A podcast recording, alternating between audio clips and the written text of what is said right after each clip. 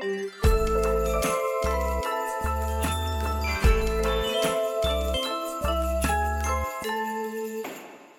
og hjertelig velkommen, ikke bare til nok en episode av Takk og lov, men til en ganske så bonuspreget julebonusepisode. Ikke bare er jeg og dere så heldige å få julebonus i år, vi skal faktisk få en dobbeltbonus. I dag får vi nemlig høre røverhistorier fra jussen. Eh, to lange liv i jussen, noe som i seg selv er ganske så stas. Og vi skal få høre dem altså ikke bare fra én skikkelig kul gjest, men to på en gang. Jeg har nemlig fått med meg to av den ja, hva skal vi si, utøvende makts mest erfarne travere. Lovens og regjeringens forlengede armer. En som ennå griper om seg på høyt nivå, og en som fremdeles helt sikkert holder på med noen skikkelig smarte korttriks. Nemlig politidirektør Benedicte Bjørnland og tidligere regjeringsadvokat Sven Ole Fagernes. Hjertelig velkommen begge to. Tusen takk. Så hyggelig at dere vil være her. Det er jeg så glad for. Um, Jeg vil jo tro at de fleste lytterne våre vet hvem dere er. Men eh, for de som mot formodning skulle trenge litt oppfriskning, så skal vi ta en liten, kort eh, CV. Sven Ole, du startet i Lovavdelingen. Og så var du hos regjeringsadvokaten fra 1976, stemmer det? Ja. Det stemmer. Eh, eh, og der holdt du deg i grunnen ganske lenge. Inntil du, du kravlet opp og ble helt regjeringsadvokat. Og det var du også lenge. Men du var i mellomtiden så var du en stund så var du konstituert departementsråd i Justisdepartementet. Eller ryddegutt, som jeg har fått høre. Det var nemlig du som ryddet opp i hele Justisdepartementet. Og så når du var ferdig med det, så klappet du hendene sammen, og så gikk du tilbake og var regjeringsadvokat. Er det Ja, jeg, jeg vet ikke om det er en riktig beskrivelse, men, men noe er det i det. Ja, vi kan komme tilbake til noen av de tingene du gjorde der litt senere i episoden. Det kan Noe av det har med Benedictes jobb å gjøre, tror jeg. Um, Benedicte, du er jo da politidirektør. Det har du vært siden 1. april 2019. Men det var ingen spøk. Det var ingen spøk. Jeg håper jo ikke det, da. Det Nei. hadde vært å våkne opp liksom plutselig og finne ut at det hele var en Hver spøk. dag lurer du litt når du våkner opp. Men du har gått gradene som politifullmektig og adjutant og inspektør. Det er primært i Tønsberg, Mm, er det det? helt riktig, det. Og så har du vært domfullmektig i Skien og Porsgrunn. Og visepolitimester og politimester i Vestfold, som nå Er Sør-Øst. heter Ja, for hvordan er det? Telefold, Vestmark, det er disse sammenslåingene, men det, distriktene er heller ikke ikke Altså det, er, det er jo Og med Buskerud i tillegg, vet du. Så det er jo Sør-Øst politidistrikt er et skikkelig stort politidistrikt blitt det nå. Ja. Nettopp. Mm. Ok, og så var du i PST. var. Sjef der. Eh, Sjef for Politiets sikkerhetstjeneste, PST. Eller sjef PST, som det heter blant de som er mer fokusert på sikkerhet enn på preposisjoner. Det er ja, helt Ikke riktig det òg. Det er en underlig greie, det der. Men det liksom klinger litt fint. Altså sjef PST. Ja, ja, det er, Ja, sjef, men det er litt sånn forsvarslingo, er det ikke det? De sier sånn sjef ditt og sjef datt, ikke sjef for. Helt, det tror jeg også er helt riktig. Ok. Eh, og så, har du da, så er du da politidirektør. Vi pleier jo, særlig når vi har så avskrekkende gjester som dere to Dere er jo måte de superkuleste juristene vi kunne fått tak i. Så pleier vi å ha med en sånn fun fact. Bare sånn at uh, vi løser opp stemningen. Den var jo utrolig tilknappet, men sånn at vi kan senke skuldrene litt. Grann. Så da har jeg lett frem noen sånne fun facts. Da har vi snakket med sånne folk som kjenner dere godt. Eh, Så nå kan dere bare sitte og grue dere. Nei da, det blir ikke ille. Men Sven Ole, bare start med deg. Du er jo et, en, det vi på godt norsk kaller en basketcase. Hva sa du? Basket? Basketcase. Jeg tror det på, på utenlandsk betyr en tullebukk. Det er En ikke det jeg mente. Ja, ja. Jeg tror det betyr, I denne sammenheng så betyr det bare at du er god til å spille basket. Akkurat. Ja. Ja. vel. Ja, ja. Jeg spiller mye basket. Ja, Du spiller mye basket, og du har i grunnen, er det noe ballspill du ikke har holdt på Nei, med? det tror jeg nesten ikke fins. Det er ganske imponerende. da. De, de sier at uh, på et tidspunkt i ditt liv så hadde du én type ballspill hver dag hele uken. Stemmer dette? Ja, det vil jeg nok tro.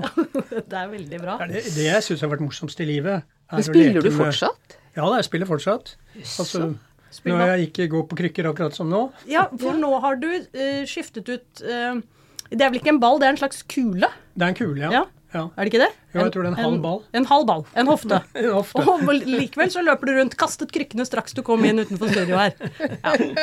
Det er veldig bra. Um, Benedicte, um, det mange ikke vet om deg, det er at du har svart belte i karate. Ja. Stemmer det? Det er helt riktig. Nå følte jeg at vi snakket hverandre veldig opp en sånn sportsfunfact. Få høre, om dette- få høre om denne meritten her, da. Nei, du vet hva, jeg, altså, jeg begynte jo med karate egentlig ganske sent, vil jeg si, for jeg tror jeg var 16-17. Og altså de som blir gode og sånn, vet du, de begynner jo som seksåringer. Ja, ja. Men, men eh, det var jo noe som, eh, som tok meg, og jeg kjørte på og trente masse og reiste jo eh, Europa og verden rundt og trente på leirer og holdt på, og så fikk jeg sådan til slutt, da. Eh, og så eh, la det på hylla, og så tok jeg det opp igjen når eh, vår eh, eldste datter, når hun var sånn ti, så trente vi sammen. Da trente jeg sammen med barna på Ja. Barnepartiet. Ja. Det var veldig hyggelig. Eh, nå trener jeg ikke lenger. Men eh, har man fått sort belte, så har man sort belte. Du, du kødder ikke med politidirektøren? Gjør ikke det, altså. Nei, Men har du fått bruk for det noen gang, sånn utenom, utenom sporten? Jeg, jeg vil si kanskje det mentale, for det handler jo altså martial art, eller disse asiatiske kampsportene, da, det handler jo også om egentlig å trene eh, hodet eh, på en måte. Altså fokusere, eh, holde ut, eh, tåle smerte, uten at det, i det hele tatt handler om altså, kontakt. da. Dette her er jo en eh, ikke-kontaktkarate. Så jeg vil si det at eh, det bygde, bygde nok hjalp til å bygge meg litt. Det gir litt kraft i eh, eh, unge, unge følsomme år. Ja, ja. Ja. Men du har ikke bare svart belte i karate, du har også en kullsvart humor, har jeg fått høre. ja, ja, jo, den er kanskje Jo, den kan være litt rå. Altså- men, men det kommer jo Det er litt som yrke også. Altså Hvis ikke du på en måte kan se det skakke, Ja. eh, og det, det egentlig eh, Humoren i selve tragedien òg, da, så tror jeg ikke Da har man ikke så veldig hyggelig i politiet. Nei. Så det der å kunne debrife Og det handler jo ikke om å ha noe liksom, ha noe dårlig menneskesyn, det er ikke det det handler om, men det handler om å, å se uh, humoren selv i de svarteste øyeblikk, Ja, ja. Det er, gi litt, uh, kan gi litt kraft, det også. Altså, humor er jo en slags Det kommer til, tror jeg, å være en rød tråd gjennom denne episoden her. Det er en Um, ventil. Hva? Det er en ventil. Humor, ja. Ja, jeg vil si er, det. Og det, jeg tenker det er helt nødvendig. I alle, mange sammenhenger, egentlig. Jeg grubler jo av og til på det i sånn ytringsfrihetssammenheng, for humor Det hender jo at humor blir misforstått. Ja. Mm. Da skaper det noen problemer. Men um, av og til blir det forstått. Jeg hadde Det kom jeg på med deg, Svein Ole. Um, jeg kjente ikke deg da, men av en eller annen grunn så hadde jeg telefonnummeret ditt, for jeg tror vi hadde snakket om et eller annet. Da var jeg bare en liten eh, advokatfullmektig, men vi hadde sånn quizlag en gang i uken eller når det var. Og så var et av spørsmålene, og det var da du, for det var, tok jeg ikke med på CV-en din, men det kommer vi sikkert tilbake til, det var da du var konstituert sysselmann på Svalbard. Og så var et av spørsmålene i quizen det var 'Hvem er sysselmann på Svalbard?' Og så Ja, det visste jo jeg, for jeg hadde jo snakket med deg ikke så lenge før. Så jeg svarte det, da. Bare, nei, nei, de andre var sånn Nei, de trodde ikke det var det. Og jeg bare Jo, jo, jeg lover det er det. Og så var det sånn, så leste han quizmasteren opp svarene, og der var det Jeg tror det var kanskje han Odd Olsen Ingerød. Ja. Ja. Eh, Så jeg gikk opp til han quizmasteren og sa det er protest, liksom. Dette stemmer rett og slett ikke. Og så sa han nei, nei, nei det, det kunne jeg ikke bli hørt med, fordi det sto på Wikipedia eller hvor det var han hadde slått opp, og sånn var det. Så, jeg, så da ringte jeg til deg, da, og så sa, presenterte meg pent og forklarte situasjonen. Og så kan du bare ta en liten prat med han quizmasteren. Og så sa jeg til han quizmasteren du, det er eh, telefon til deg. Han bare hæ, hva? Telefon til meg? Hvem er det da? Det er sysselmann på Svalbard. så det ble veldig god stemning. Fikk det poenget, da. Husker du dette her? Ja, jeg husker det faktisk. Jeg husker det. Det var veldig morsomt. Herlig. Men jeg har samlet dere her i dag for at vi skal få høre litt rare det, Dere må ha opplevd mye rart til sammen. Men kanskje det som ble klart for meg først utenfor studio her, det var jo at dere eh, kjenner hverandre litt fra før. Og det var også litt humoristisk. Kan du, Sven Ole, fortelle når du første gang traff Benedicte? Ja, jeg vet ikke om Benedicte vil høre det, men altså det gjorde et helt uslettelig inntrykk på meg. For det var en stor konferanse hvor man da, etter man var ferdig om dagen, så skulle man være der neste dag òg, så man satt om kvelden og tok et glass vin. Og plutselig så kom kelneren bort og sa at det er en kvinne som gjerne vil spandere et glass vin på deg. Og det hadde jeg aldri opplevd i mitt liv tidligere, og jeg har aldri opplevd det senere heller. Så jeg var helt, jeg snudde meg i alle retninger for å se hvem var dette. Og etter en liten stund så kom det altså da Benedicte. Og etter det har jeg vært en svoren tilhenger av henne. Det skjønner jeg. Du, så hyggelig. Husker Altså, du dette, Benedicte? Eh, Ja, altså når, når du tar det opp, så må jeg si at jeg husker det. Og jeg syns nok du var eh, en flott herre da, vet du.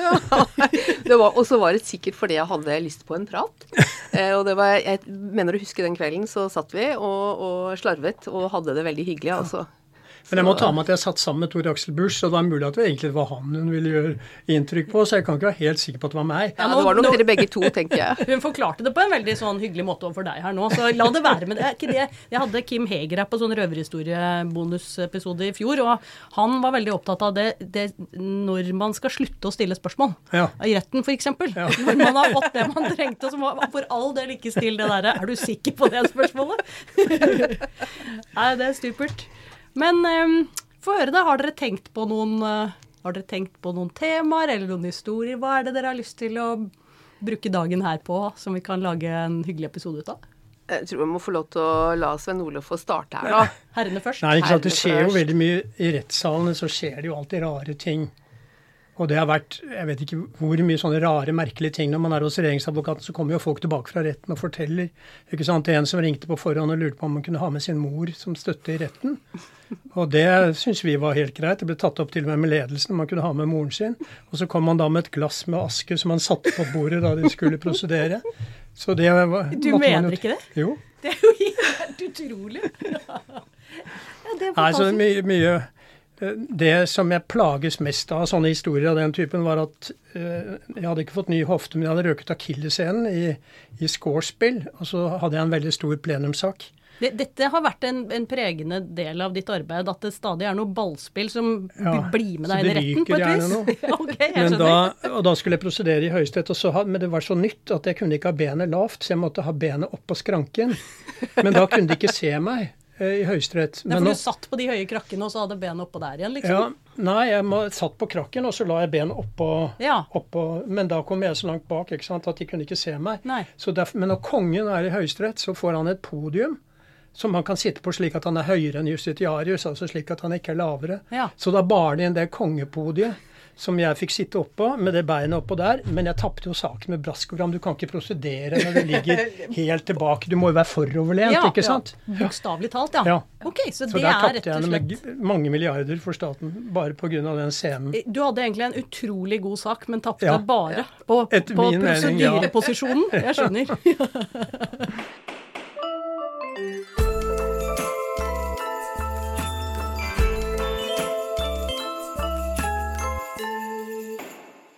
Men eh, holdt jeg på å si, jeg må nesten få spørre dere. Eh, første møte i retten. Du har jo vært eh, i retten, Anine, i hvert fall som dommer. eh, Ja, jeg har vært som advokat òg. ja. også. Og, liksom, gjorde det inntrykk? Var det noe, noe som festet seg eh, hos noen av dere? Husker dere den første saken?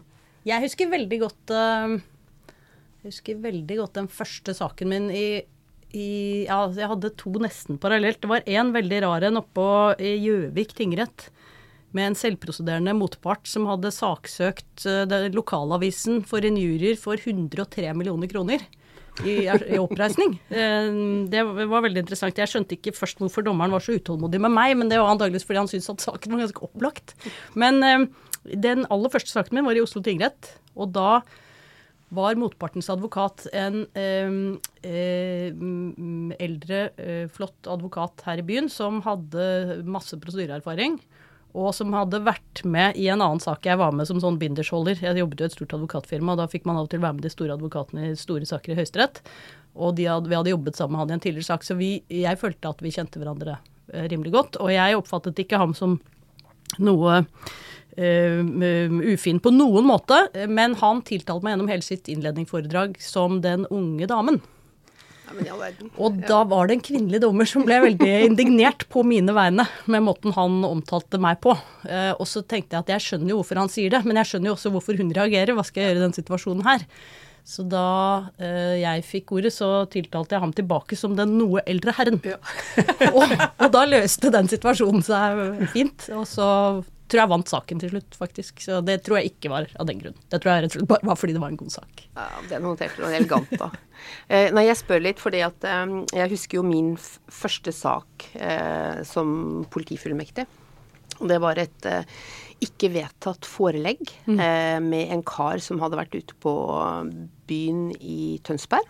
Eh, og som nok hadde vært eh, litt i overkant eh, marinert, da. Eh, og som da Marinert, det er det po- po- politibegrepet for noe inn- Godt beruset, vil jeg si. ja, Og så hadde ja. han jo da ikke eh, Altså, jeg tror han hadde blitt stanset av politiet og så sikkert blitt bedt om å, å komme med noe personalia, og så hadde han ikke gjort det. Kanskje det var noe annet også, jeg husker ikke helt så godt. da. Men iallfall dette ikke vedtatte forelegg, eh, det hadde jeg da fått fra eh, en av de eldre politiinspektørene. som den, Denne kan du gå i retten med som sånn første sak. Jeg tror jeg hadde jobbet i tre uker, jeg. Eh, og jeg var altså så forberedt. Du kan tenke deg den første saken du skal aktorere. akturere. Da har du liksom skrevet innledningsforedraget, du har alle spørsmålene du skal stille. Altså Innledningsforedraget mitt var sikkert 20 minutter for dette ikke vedtatte forelegget, som selvfølgelig er jo en skivebom. Eh, og prosedyre, alt var liksom egentlig veldig, veldig klart. Og så, så, startet det hele med at jeg var så befippet over dette her og skulle gå i retten, så jeg hadde glemt saksdokumentene når jeg kom ned i retten, så jeg måtte starte liksom med å be om en 15 minutters utsettelse, sånn at eh, jeg kunne få brakt dokumentene ned. Litt sånn dårlig start. Og så syns jeg, når vi kom inn i retten og jeg så eh, tiltalte, da, som var selvprosederende, han hadde ikke, han, som et ikke vedtatt forelegg, så hadde han jo ikke krav på å ha med seg forsvarer, syns han så liksom puslet ut. Um, og, og, som sagt da denne hovedtiltalsposten eh, ikke å ha oppgitt personalet til politiet. Uh, og så, før uh, liksom, etter retten var satt da, uh, jeg tror det var en dommer som het Randi Karlstedt, faktisk, som prosterte. veldig hyggelig dame. Du husker Nei, alt dette? Var, dette står for deg fremdeles, hører jeg? Ja, ja, dette her. Hun var dommer. Det var det, sånn det var. og um, så liksom retten var satt, og så skulle han da si hva han het. Og da kom han liksom humpende fram til dommerbordet med en gul lapp. Og der sto det da skrevet altså hva han het. Og så kom det videre 'Jeg har afasi etter et slag'. Oi. Så du kan si der raknet hele deg, saken, ja. hele, hele, grunnlaget. Og jeg, jeg, visste jo ikke da hva, hva gjør jeg nå? Hva, eh, eh der, der, røyk den, liksom. Eh, så da måtte jeg jo be om pause og ringe opp til, til politikammeret da, og, og snakke med, med, denne politiinspektøren som hadde gitt meg saken. Og ja, nei, det er bare, å, jeg har bare påstå frifinnelse. Eh, så jeg gikk jo tilbake, pakket sammen dokumentene og sa altså påstand og ja, aktoratet påstår frifinnelse. Men det var jo på en måte en massiv nedtur, ikke sant. Altså jeg var så forberedt og hadde gledet meg og i det hele tatt eh, Men, men det var jo kanskje sånn årene 1992-93. Det var ikke gjort noe veldig grundig etterforskning. Altså det var en politirapport som lå til grunn, og det at han hadde afasi, det hadde man ikke fanget opp. Nei, det var altså, minor detail, ja. Ja, det var minor detail. Du, husker du Jeg husker i og for seg min første sak, men den var ikke noe spesiell. Men jeg husker den fjerde tror jeg veldig godt. Okay. For da var jeg inne i Veitastrond, langt inne ja, ja. i Sogn. Og der skulle prosedere Det var noe sånn odelsrett eller noe sånt, tror jeg, som staten plutselig var kommet borti. Og der sto vi og prosederte på et lokale, og så var det et blikktak utenfor som det regnet så kraftig på det. Dette var senhøst. Slik at advokaten på den andre siden, som var sånn veltalende advokat fra Bergen som likte å høre sin egen stemme, gikk frem og tilbake og snakket og snakket veldig høyt fordi det, eh, dette blikktaket brokket og sånn. Men så begynte det å sne, så det ble helt stille. Men han holdt stemmen? Men han merket ikke det. Så jeg så, så dommeren liksom ble mer og mer irritert, og jeg må innrømme at jeg godta meg jo en del over det da jeg så dette. Men han merket ikke det. Og så sa dommeren etter en stund Da de begynte å snakke, var det høst. Nå er det vinter. Vil du være ferdig før våren? Å, det er makt i de dommerhendene, altså. Hva man kan si fra det bordet, er jo fantastisk. Ja, det skjønner jeg du husker. Men eh, har jeg hørt en historie om en av dine første saker i Høyesterett? Altså jeg hadde, Ja, ja, det kan godt tenkes. Men i hvert fall én sak som jeg husker. Det var sånn i dataalderens tidlige tid hvor man ikke fikk sidenummerering på manuset. Ja. Og da skulle jeg ha en sånn sak om hopping i Trollveggen. Om de, må, de som hoppet der, om de måtte betale redningsomkostninger selv hvis de, hvis de skulle bli reddet. Hvis de ikke var forulykket, men hang i veggen. Og så skulle jeg vise uh, retten hvor farlig dette var. Og da hadde jeg prøvd å undersøke hva er farlig. Og jeg hadde ikke funnet ut noe som var nesten like farlig, bortsett fra russisk rulett, var farligere enn å hoppe i trollveggen. Men i en av 30 tilfeller ville det gå galt, slik det var den gangen. Og det skulle jeg vise Høyesterett hvorfor det skjedde. Så jeg gikk opp på, på, på skranken, denne gangen sto jeg oppå den og ikke lå bak den, og holdt opp denne fallskjermen for å forklare dette. Ja. Og da falt hele manuset mitt ned på gulvet, for jeg kom borti det. og det var ikke sidenummerert. Og det, var, det ble, gikk ikke helt bra, det heller. Så det er mange triste opptredener i Høyesterett. Og da foretok du da en, en videre sånn postmoderne prosedyre, hvor, hvor, ting kom i helt Det kom litt tilfeldig rekkefølge, Men alle argumentene kom med til slutt. Ja, ja, det er veldig bra. Det er jo opp til nobberne å notere der de skal, er det ikke det? Ja ja. Litt for fremoverlent der, altså. Ja. Ja, nettopp. Bra. Um, Benedicte, du uh, det, Man er jo nysgjerrig egentlig på mye som har med politiet å gjøre, men uh, du har jo i tillegg vært en sånn veldig hemmelig del av politiet. Uh, kan ikke du fortelle alt det hemmelige Nei da. Kan ikke, kan ikke du fortelle litt om dette? Hvor, hvor, hva skal til for å liksom bli eh, klarert? Hvem er det Kan man være så normale mennesker som jeg føler at vi tre her er? Altså I hvert fall dere to er jo åpenbart klarert, så dere er jo normale. Jeg vet jeg tror alt Jo, vent da, jeg ble jo klarert på sikkerhetskurset, men um, det er et sjefskurset. Da ble jo jeg klarert. Det var jo eh, Jeg skjønner ikke Kanskje de ikke gjør god nok bakgrunnssjekk, eller Altså, jeg tror jeg så skummel, man kan være altså. ganske normal ja. Eh, for å få en sikkerhetsklarering også på det aller høyeste, men man, man, man skal jo liksom ikke komme med typiske ting som kan gjøre deg sårbar. Som gjør at du kan komme i en klem. Eh, typisk at fremmede makter får noe på deg. Ja, at sånn de kan at, liksom utpresse deg på noe. Ja. Sånn at det, eh, det, handler jo om at man er noenlunde edruelig, at man altså, ikke misbruker noen form for stoffer eller alkohol, at man eh, ja, f.eks. at man har eh, ro rundt privatlivet sitt. Da, at de ikke har liksom masse eh, forhold masse på si og den type ting. Eh, eller har veldig dårlig økonomi, lider av spillegalskap. Altså, det, det, er sånne ting man, man, vil sjekke ut, da, sånn basically. Um, og, så, så, de aller fleste vanlige mennesker um, vil jo kvalifisere til det. Men det er en sånn rutinemessig greie man går igjennom, og man, som man tar opp med jevne mellomrom, da, sånn at man passer på at det ikke man har eh, pådratt seg et eller annet som kan gjøre at man kan komme i en ubehagelig situasjon. Ja. Nei, så, så det er, eh, det er uh, sikkerhetsklareringssystemet. Og så um, er det jo sånn at jeg tror aldri jeg har vært på noen sånn grense til å bevege meg ut til å være i fare for å miste den. Men jeg har hatt jeg, har jo, jeg må jo liksom bare innrømme det, at jeg har vært i en, en, en, en situasjon som kunne vært litt kompromitterende.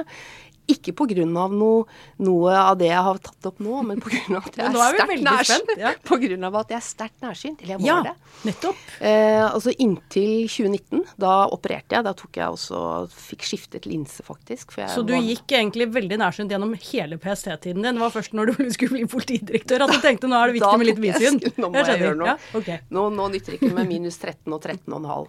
Uh, og det er sterkt nærsynt. Altså. da er du ganske Du ser ikke godt da. Uh, så jeg gikk jo og brukte linser i, i mange år. Uh, og etter hvert sånne engangslinser som du bare kastet. så du hadde med deg et lite lager, ikke sant. Ja. Og, og, sånn. Og så på natten og sånn så brukte du jo, eller hvis du skulle opp på natten, så et brillepar ved siden av meg. Og denne gangen her, hvor jeg nesten ble litt kompromittert, da det var vi var med jobben oppå et eller annet hotell oppe i Holmenkollen. Vi hadde hatt en sånn lang arbeidsøkt, spist en middag. Eh, og så skulle vi jobbe hele neste dag.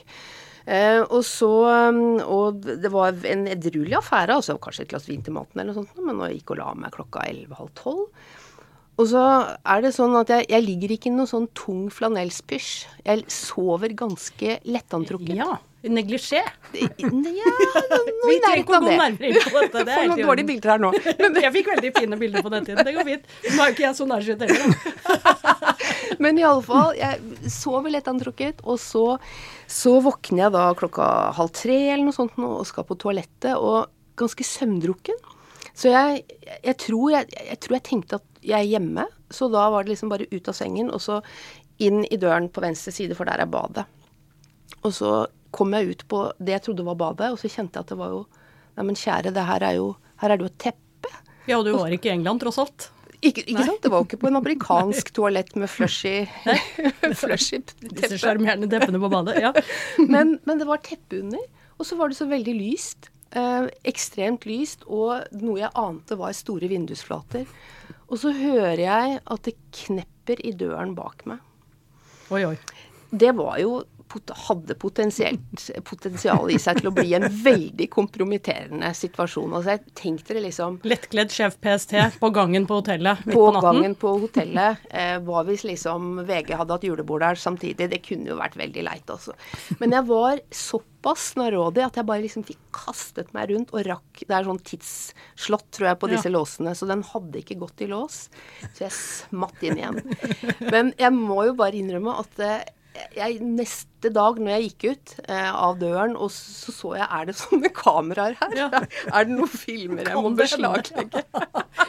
For da hadde du bare tatt beslag i de filmene. Det skal jeg love deg. Ja, det, det tror jeg på. Det er veldig morsomt. Ah, så herlig. Hadde du ikke vært så nærsynt, så hadde du sett livet ditt passere i revy, antagelig. Men det gjorde du ikke. Jeg hadde følelsen inni meg. Eh, Sven Ole, eh, hvor, hvor lettkledd sover du? Nei da, men Ja, men jeg har en pinlig, men den er akkurat som advokat, en utrolig pinlig episode som førte til store problemer i samlivet. OK. Skulle i en bisettelse, hadde altfor skitten bil, var litt sent ute. Bestemte oss for å vaske bilen i en sånn eh, vaskehall veldig fort, for, slik at vi skulle opp på Kirkebakken etterpå. Eh, og så eh, protesterte Kirsti, som jeg bor sammen med, da, på dette her, for vi hadde ikke tid til det. Jeg mente at det gikk så fort. Så har vi soltak. Og så tok jeg rett før det skulle begynne, var sikker på at dette soltaket var lukket. Slik at jeg tok det helt opp for å dundre det liksom inn. Ja. Og så hoppet det ut av Slik at da den begynte å komme, så sto soltaket oppe. Oh. Og det var helt utrolig hvor mye vann det egentlig er i sånn. Og da, først ikke sant, så kom den over, og da prøvde Kirsti å klatre over bak. For hun tok Dagbladet over huet først. Eh, og så klarte prøvde Men da var de nakkestøttene gjorde at hun kom ikke over. Så da sa vi må prøve å komme oss ut. Men da kom de sidegreiene kjørende idet vi skulle lukke opp. Så vi fikk en runde til over, og var helt søkkvåte og kom for seint i bisettelsen.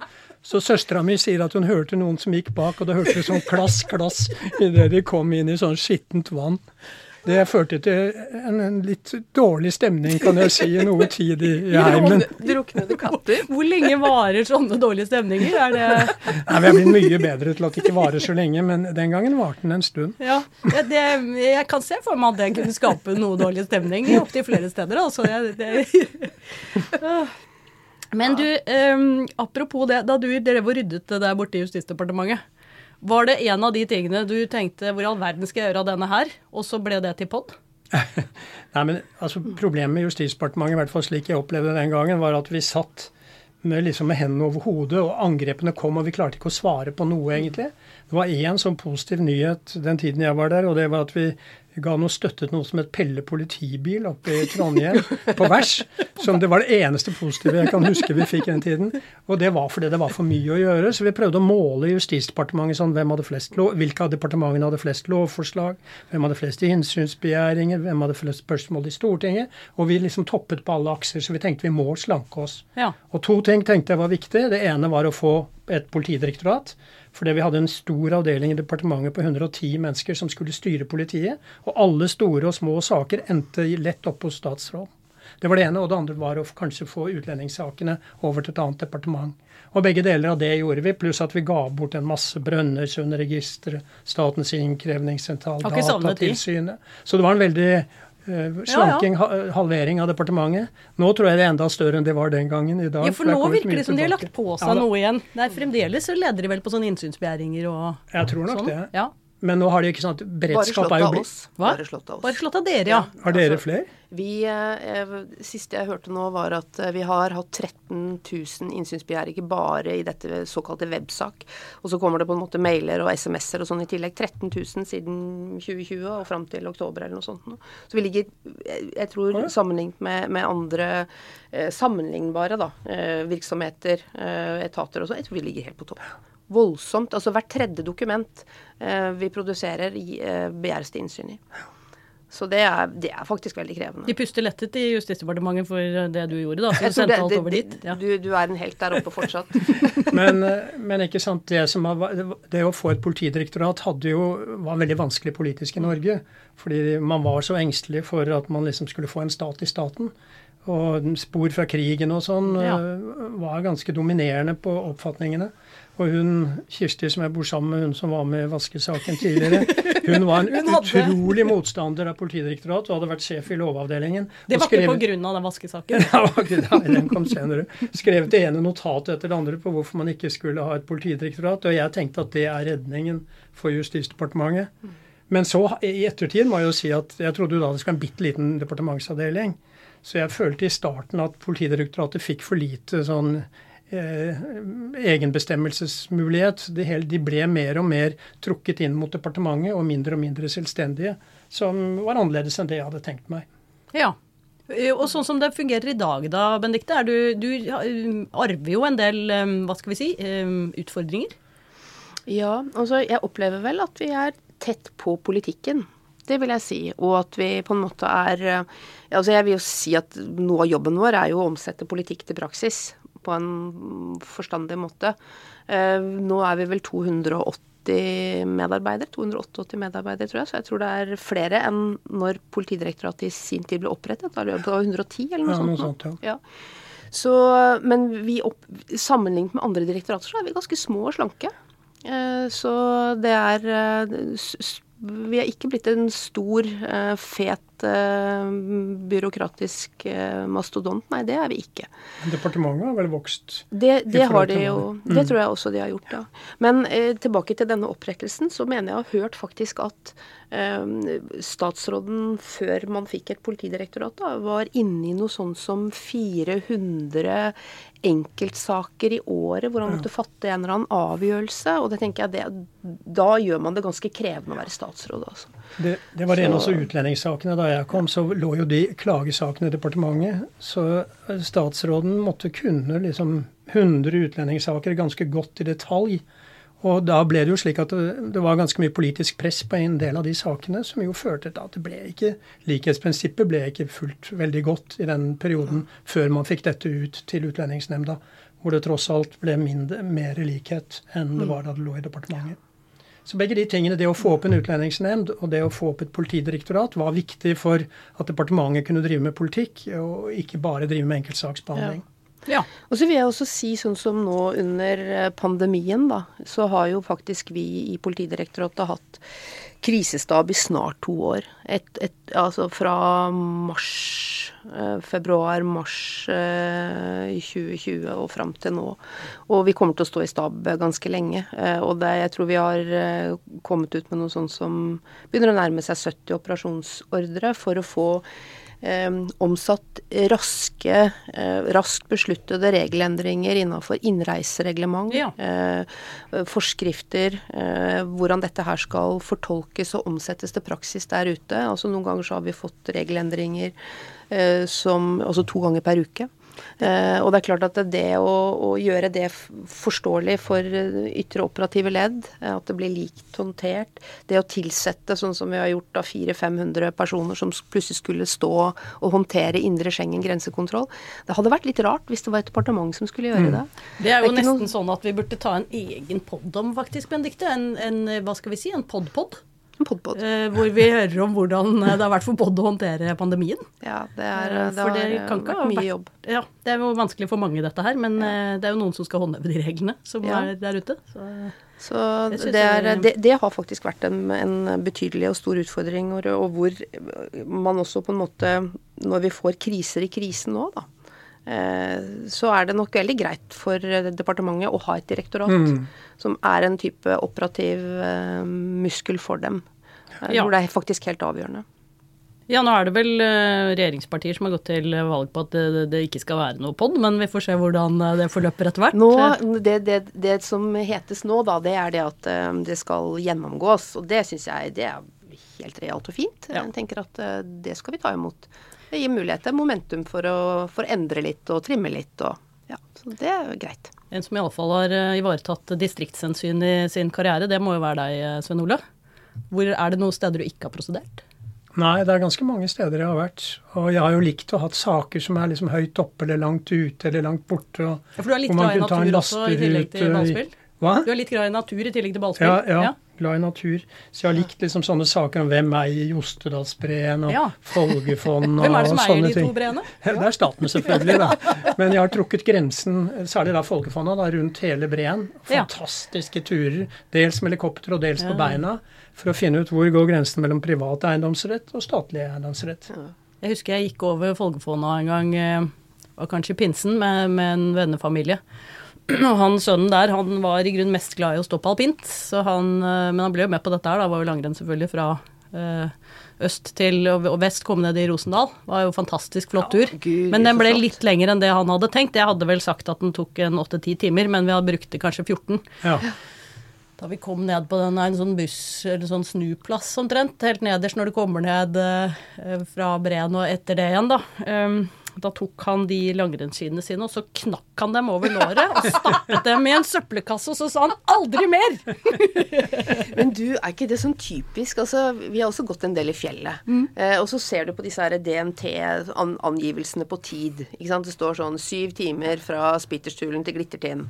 Og må alltid ligge før dem. Eh, og altså, vi, vi bruker alltid dobbelt så lang tid. Altså, jeg, jeg fatter, det er bare juks og fanteri. Nå føler jeg du er veldig ærlig, Benedicte.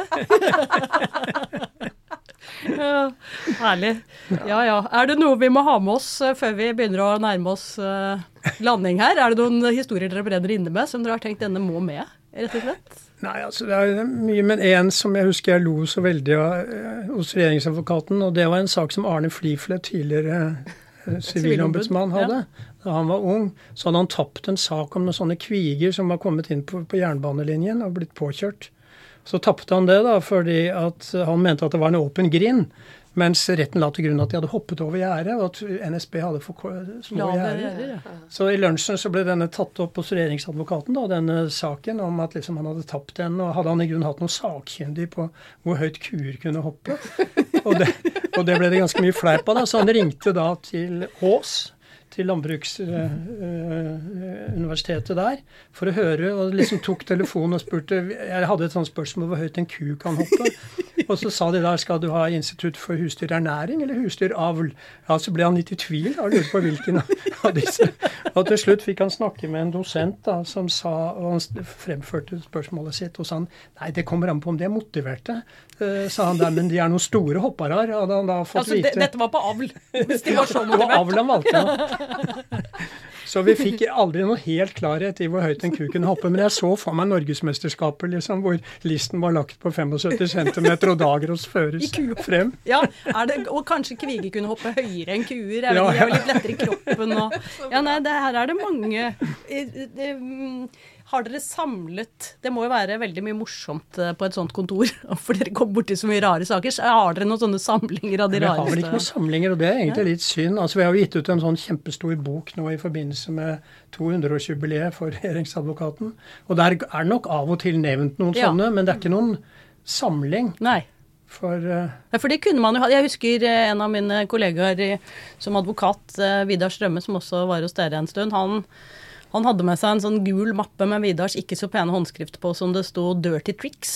Og det, og det var hvordan man fikk saker avvist. Ja, som jo er en veldig fin eh, kunst å kunne hvis man gjerne ikke vil gå i retten med ting. ja, Um, så der var det mye å lære. den var utviklet ganske godt hos regjeringsadvokaten. Ja, vi videreutviklet den lite grann, så vidt jeg husker. Det var noen sånne i en jurysøksmål en stund som ble hvor de, hvor de truet med en jurysøksmål av norske aviser i England. Og der var det jo litt strengere jurylovgivning fordi menneskerettighetskonvensjonen ikke hadde fått fullt så hardt gjennomslag. De visste jo best. Um, eh, og i tillegg hvor summene var veldig høye, og det var veldig kostbart å dra i retten. Hvor vi fant på en variant av en, et negativt fastsettelsessøksmål for ikke-juryer tatt ut for forliksrådet i Norge. Det høres avansert Ja, det funket. Jeg lurte på om det ble stilt noen spørsmål etter hvert, men det funket en stund iallfall. Men du Anine, før vi runder av, for Svein Ole, du hadde en historie om første kvinnelige politibetjent. Ja. Ja. Det syns jeg var litt interessant. Jeg har lest akkurat disse dagene nå, de to siste dagene, så jeg kom jeg over en bok eh, om eh, hvordan livet var på øyene utenfor Kristiansand sånn i mellomkrigstiden. Altså fra det 20 frem til 30. Og der sto det en historie da om første kvinnelig betjent, eh, politibetjent, som eh, ble ansatt på Kristiansand politikammer i 1910 og som tydeligvis var en kvinnesakskvinne og var opptatt av svakerestilte i samfunnet og brukte mye av sin tid Ja. som eh, arbeid på å hjelpe fattige. Og det likte de ikke noe særlig godt på politikammeret. Så hun ja, For det var liksom ikke ordentlig politiarbeid? Nei, egentlig ikke ordentlig politiarbeid, så hun ble virkelig sånn eh, behandlet dårlig der. Og, og til slutt måtte hun gå til en jurysøksmål mot en av kollegaene, som da hun vant frem med, som vedkommende fikk faktisk en fengselsstraff. Oi. Og så var hun der i 20 år, eh, frem til hun gikk av i 1931. Og da fikk, eh, ble det bestemt at man skulle ikke ansette noen ny kvinne i politiet. Så det sier noe om liksom hvor tungt det har vært for for og- kvinner å komme frem. Så det er jo litt flott da Ja. at vi har sjefen for politiet, Benedicte, i dag. Det er ikke så mange generasjoner vi skal gå tilbake før det ikke fantes noen kvinner der. Nei, det vet du at det er jo helt riktig. Eh, og så har vi jo det er, Jeg er jo fjerde politidirektør. Eh, første var jo kvinne. Ingelin Killengren. Ja, og så var det vel eh, Øystein Mæland. Ja. Så var det Reidar Humlegård. Og så, ja, så det er 50-50.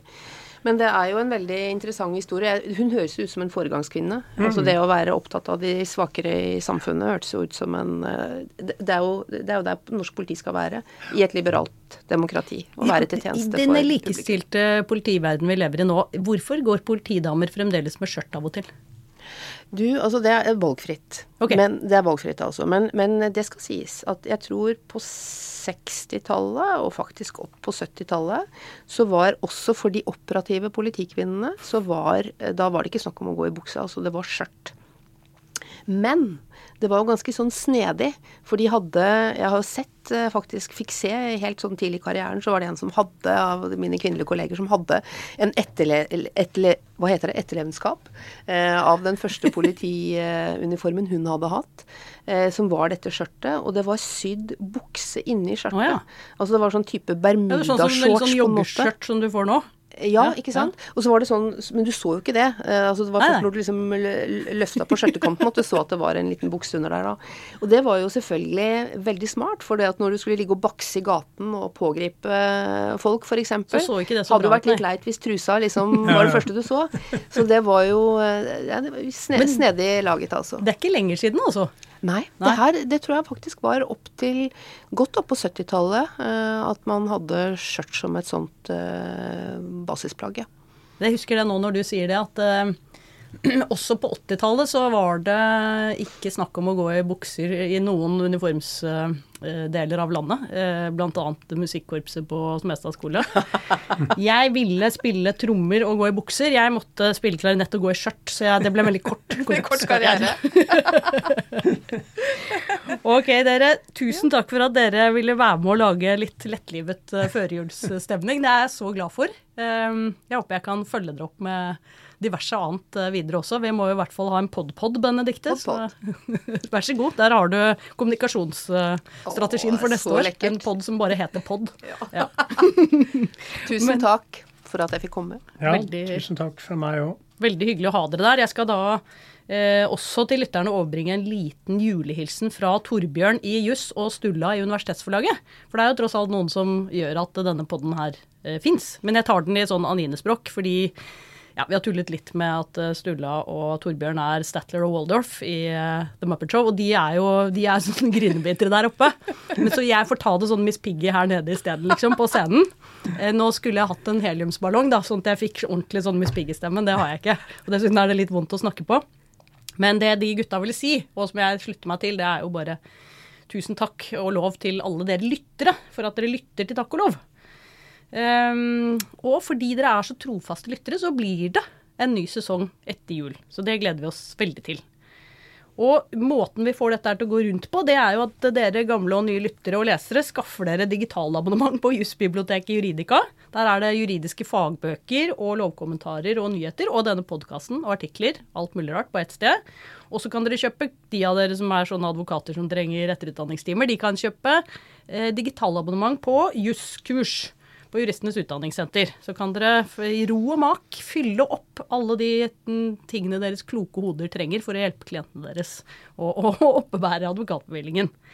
Um, og til slutt så skal jeg bare da i kor med Torbjørn og Stulla komme med en oppfordring. Send oss gode ideer til podkasttemaer på takk og lov-podkast med C i ett ord, takk og lov-podkast, at gmail, gmail.com.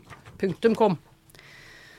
Så da er det bare å takke for et heidundrende fint podår og ønske alle lyttere en riktig god jul og et godt nyttår.